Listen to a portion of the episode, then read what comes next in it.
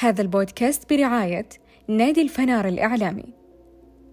أن تعيش في وقت أصبحت كل الآراء مسموعة ووسائل توصيلها عديدة، كل ما حولك يصفونه بالإعلام، والكاميرا التي كان لا يكاد شخص واحد قادر على حملها. أصبحت اليوم محبوسة داخل مستطيل صغير اسمه الهاتف مقرونة بمايك لا يرى. يسجل كافة التمتمات البشرية التي تعلو سواء بتفاهات أم المعلومات المفيدة. من هنا أصبح الإعلام أمانة ومن واجبنا الإعلامي نشر القيم الصحيحة لهذه السلطة العظيمة. أهلا وسهلا أنا لين الموسى وأقدم لكم بودكاست حديث الفنار لأتشارك معكم أحاديث الإعلام ونخوض في أدق تفاصيله. حتى نضيء فنارنا بأهم المعلومات وأبرز التجارب والقصص الملهمة. زي ما نعرف تطورت التقنية والتكنولوجيا تطور هائل. فلما دخلت حياتنا وغيرت في أسلوبنا وطريقة عملنا وطبعا ما ننسى تأثيرها على جميع المجالات بدون استثناء وبالذات طبعا في مجال الإعلام. فلأن التقنية وبالذات الإنترنت فتحت لنا مجالات كثيرة وطورتها وحسنت منها وأقرب مثال وضعنا لليوم بس قبل ما نبدأ عندي سؤال هل إلى الآن اللي حولنا يقرون الصحف الورقية؟ وهل باقي موجودة عندنا ونشتريها؟ وهل الآن أوراقها تملى بيوتنا؟ طبعا لا فهنا نشوف عامل التطور والتقنية وكيف له أثر كبير وغيرت من حال أشياء كثير ومن ضمنها الصحف الورقية. وطبعا التقنية لها دور مهم لتطوير واستمرار الصحافة ولكن بمسار جديد ومختلف عن بدايتها وشكلها المعتاد. فحلقتنا اليوم بتكون عن الصحافة الإلكترونية اللي تتردد في مسامعنا كثير خصوصا في الآونة الأخيرة سواء في محيط الجامعة أو في وسائل التواصل الاجتماعي وبين الناس. فالصحافة هي المحتوى الصحفي وقصص الأخبار بكل أنواعها المنشورة على الإنترنت والصحيفة الإلكترونية أحيانا تكون مرتبطة بصحيفة مطبوعة بحيث تعيد نشر محتوى ولكن من خلال الإنترنت وتكون في متناول يد الجميع. ازدهرت الصحافة الإلكترونية وبدأت تسعى لإثبات وجودها مع العولمة اللي صارت في العالم ككل. فكان ظهورها في أواخر سبعينيات القرن الماضي. فكانت الصحافة الإلكترونية في بداية ظهورها مجرد مواقع إلكترونية يتضمنها مقالات وموضوعات وأطروحات ورؤى بسيطة جدا. لكن بدأت بالتطور والانتشار فصار لها العديد من الطرق لتصنيفها وأيضا مجالاتها بدأت تنمو بشكل واسع وكبير للغاية. وقدرت بوقت قياسي وتنافسي إنها تجذب عدد كبير جدا من القراء الشغوفين. ولو نلاحظ اليوم بنكتشف أن الصحافة الإلكترونية لها جهد واضح في خدمة المجتمع بشكل كبير وأنها لها قوة عظيمة في إيصال المعلومات والأخبار للقارئ فصار ما في غنى عنها. هل بعد اللي سمعناه عن الصحافة الإلكترونية نقدر نقول إنها أصبحت من أهم وسائل الإعلام في وقتنا الحالي؟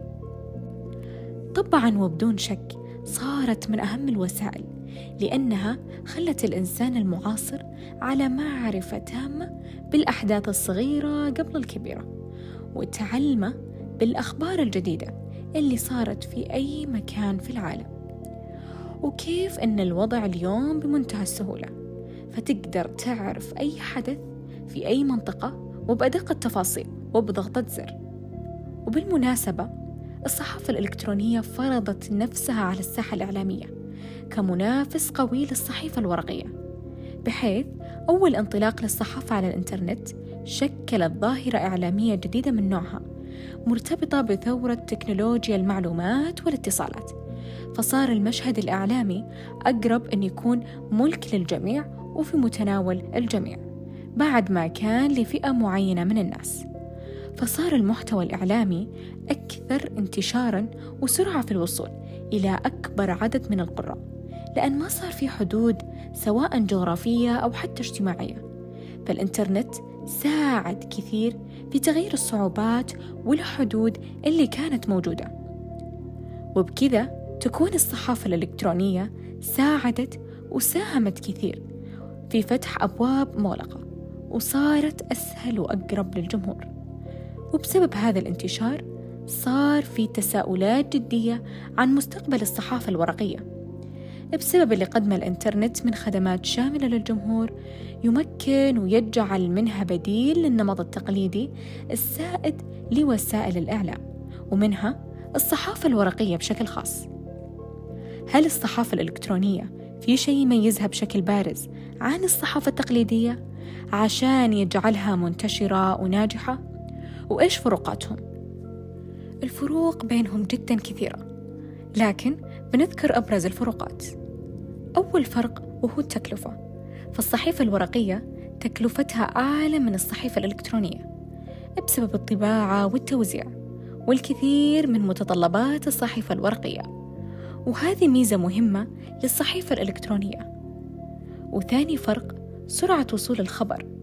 قارئ الصحيفة الورقية ممكن يحس أن الخبر يوصل بوقت متأخر. وطبعا بعكس قارئ الصحيفة الإلكترونية يوصل الخبر بنفس وقت الحدث. وأخيرا سهولة التفاعل والتواصل. فكان قراء الصحيفة الورقية يوصل لهم المعلومات ويستقبلونها فقط. أما الآن مع قراء الصحيفة الإلكترونية. يقدرون يعلقون على الخبر أو المقال. فيوصل للصحيفة تفاعل القارئ والجمهور وردود فعله وحتى يقدر يتواصل مع المحرر أو الكاتب بشكل مباشر وسهل. وطبعا لما نتكلم عن الصحافة والإعلام لازم نذكر مثال عظيم يحتذى به في مجال الصحافة مثل دكتور نوير بنت سليمان الشمري وكيلة كلية الإعلام والاتصال. كان حلمها من طفولتها تكون صحفية وكاتبة.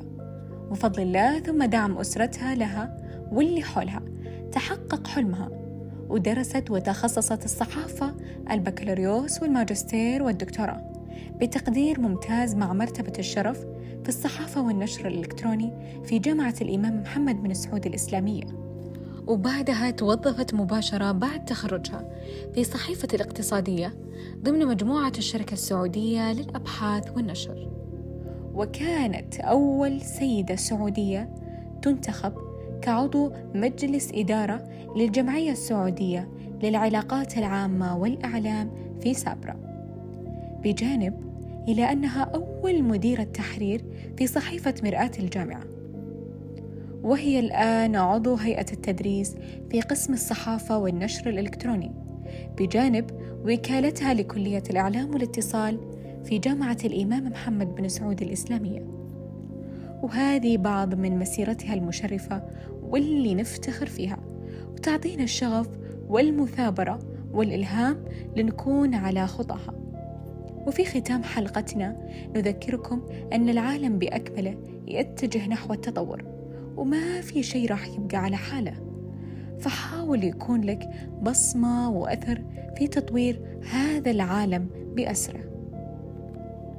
عندما يكون الإعلام أمانة تصبح هذه الأرض حاضنة للأحلام والأعمال الملهمة. لذلك نحن منكم وإليكم. نسعى أن نقدم كل ما هو مفيد ومناسب لجيل إعلامي قادم على قدر عالي من المهارات والمسؤولية الإعلامية. انتظرونا في الحلقة القادمة.